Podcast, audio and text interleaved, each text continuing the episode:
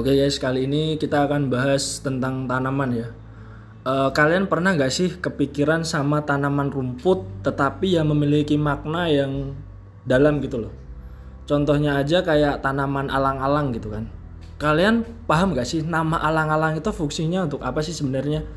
Sebenarnya kalau menurut filosofinya tuh alang-alang itu sebenarnya adalah tanaman yang diperuntukkan atau lebih baik ditanam di depan rumah karena fungsinya untuk menghalang-halangi. Konteksnya kali ini tuh sebenarnya menghalang-halangi dari hal-hal yang buruk sih sebenarnya sih.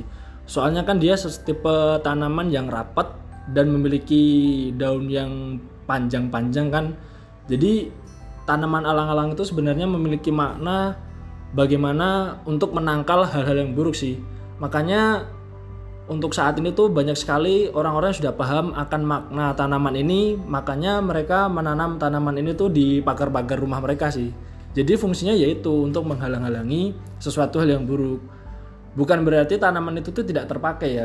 Malah tanaman itu tuh memiliki makna yang tinggi menurut aku. Soalnya dia itu kan namanya aja alang-alang kan, fungsinya hanya untuk menghalang-halangi dari hal-hal yang buruk. Ya seperti itulah makna tanaman alang-alang.